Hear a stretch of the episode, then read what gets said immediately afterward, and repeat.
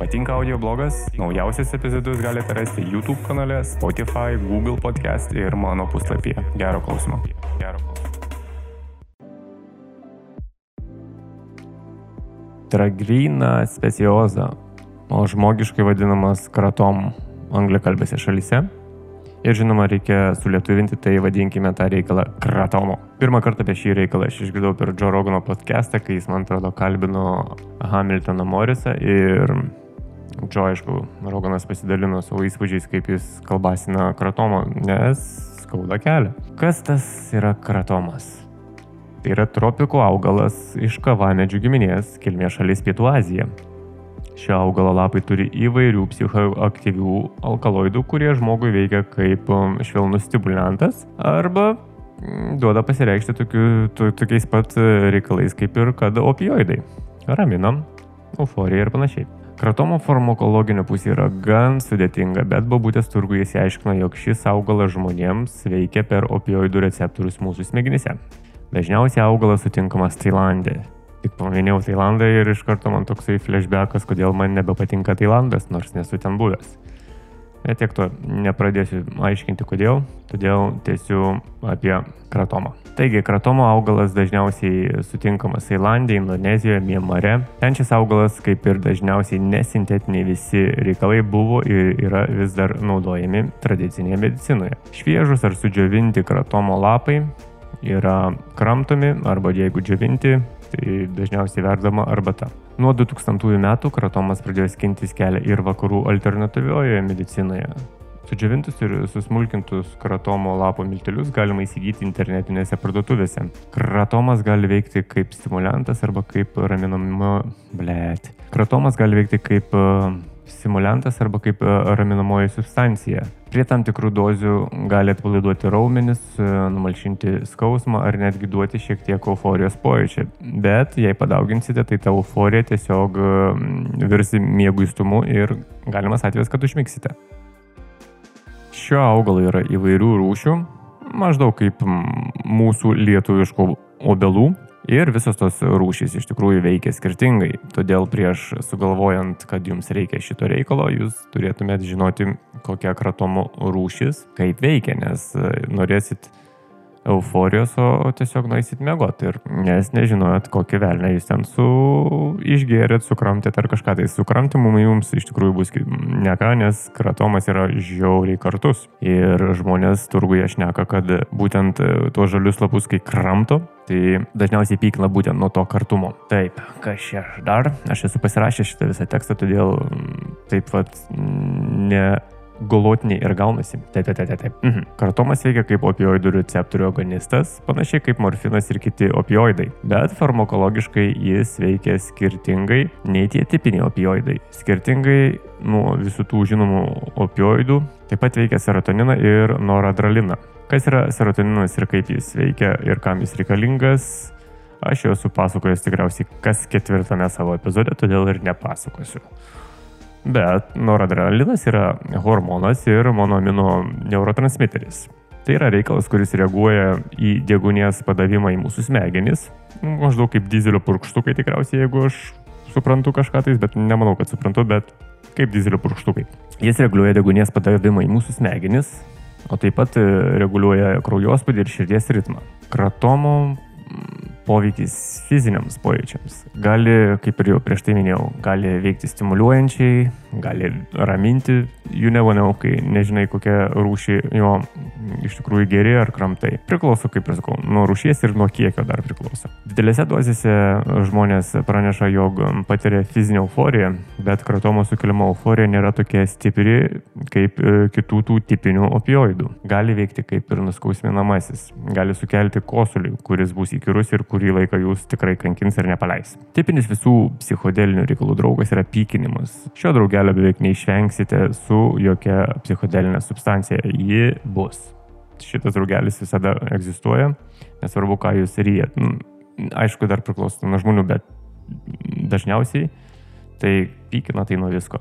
Toliau gali būti toks nieštėjimas, niežėjimas, toks nelabai patogus irgi jausmas sumažėjęs libido, svaigulys, užkėtėję viduriai, o dabar kokį mokslinį pavadinimą pasakysiu anorgazmija, gali sukelti anorgazmiją. Paprasčiau tariant, tai tiesiog sunku arba neįmanoma pasiekti orgasmą. Čia ne MDMA. Kognityviniai poteriai. Nerimo sumažėjimas, labai ryškus ir intensyvūs sapnai. Veikiant kratomui, muzikos klausimas tampa tikra ekstaze. Girdėsite ir suprasite žymiai geriau ir ne taip kaip visada. Atsiranda motivacija kažką daryti. Jeigu esate toks viškelį lepšis arba lepšė, tai jūs kratomų užvalgę galite, o dabar tai darysiu kažką, tai ir baigsis kratomas, jūs tikriausiai nedarysit. Čia irgi negrybai. Kai kurios kratomų rūšis veikia kaip migdomieji, Jei nežinote, kokia rūšis ir kaip jinai veikia, tai galimas atvejas tiesiog, kaip ir jau prieš tai minėjau, eisite labanoktuką daryti. Gali atsirasti ir razlumas. Kažkokių ypatingų vizualizacijų kratomo pagalbom nepatirsite, bet gali dvejintis regėjimas, mirguliuoti kažkas, tais fraktalų, tai tikriausiai nereikėtų tikėtis. Tai va, tai va toks tas augalas iš, iš Pietų Azijos pavadinimu kratom.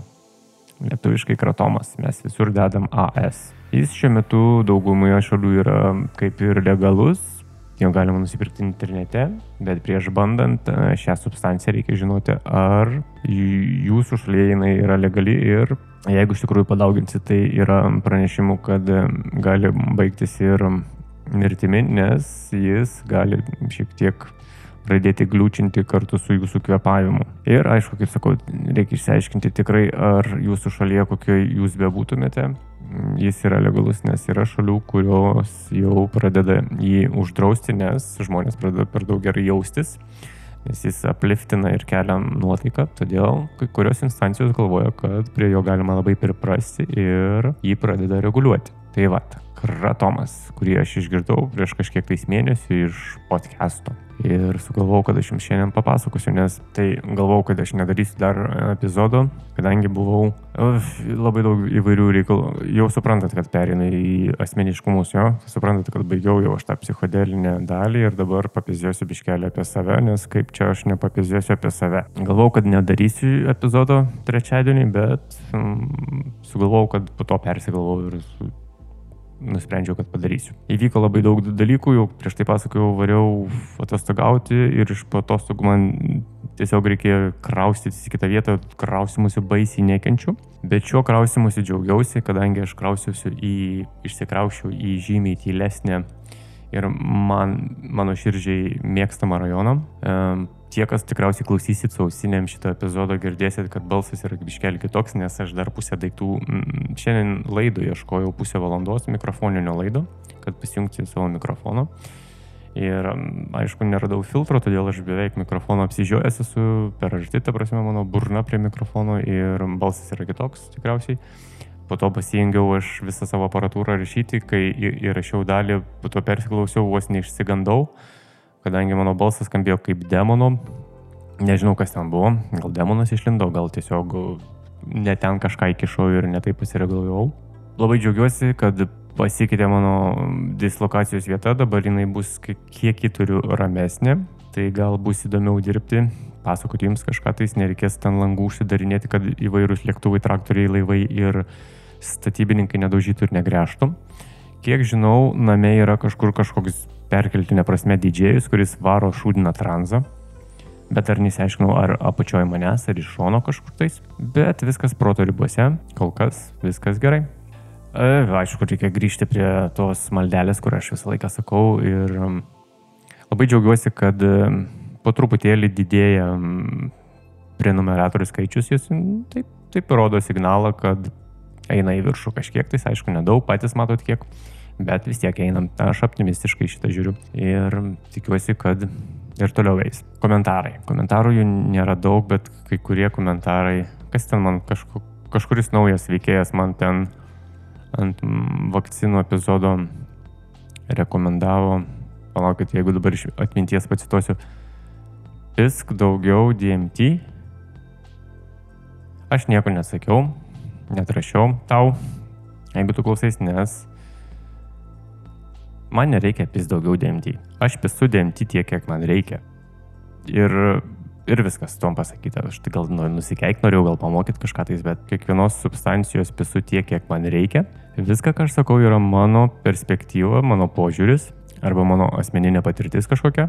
Jeigu kažkam nepatinka, galite eiti tiesiog nahui ir neklausyti. O tiem, kuriem patinka, ką aš e, kalbu, tai aš ir toliau kalbėsiu ir tęsiu. Labai dėkingas esu savo, savo patreonams ir kontribį rėmėjams. Jūs mane, kaip ir visada sakau, motivuojate ir tokia proga aš tęsiu tą, ką darau. Pagal šitą po truputėlį didėjantį tą subscriberių skaičių, prenumeratorių skaičių lietuviškai. Mm, dar liko kokie 20 epizodų ir aš turėčiau kaip ir nuspręsti, ką aš toliau darau. Tai, tai žiūrėsiu. Ir aišku, jeigu turite pažįstamų, kuriems patiktų tokios nesąmonės, kokias aš čia darau ir ką pasakoju, apie ką pasakoju, tai mm, rekomenduokite, kad palaikintų, subscribintų, jūs pakomentuokite, palaikinkite ir Žinoma, neužmirškite, jeigu norite ir galite, paremkite per Patreon arba Contribui, būsiu aфиgenai dėkingas. Viso ko geriausio.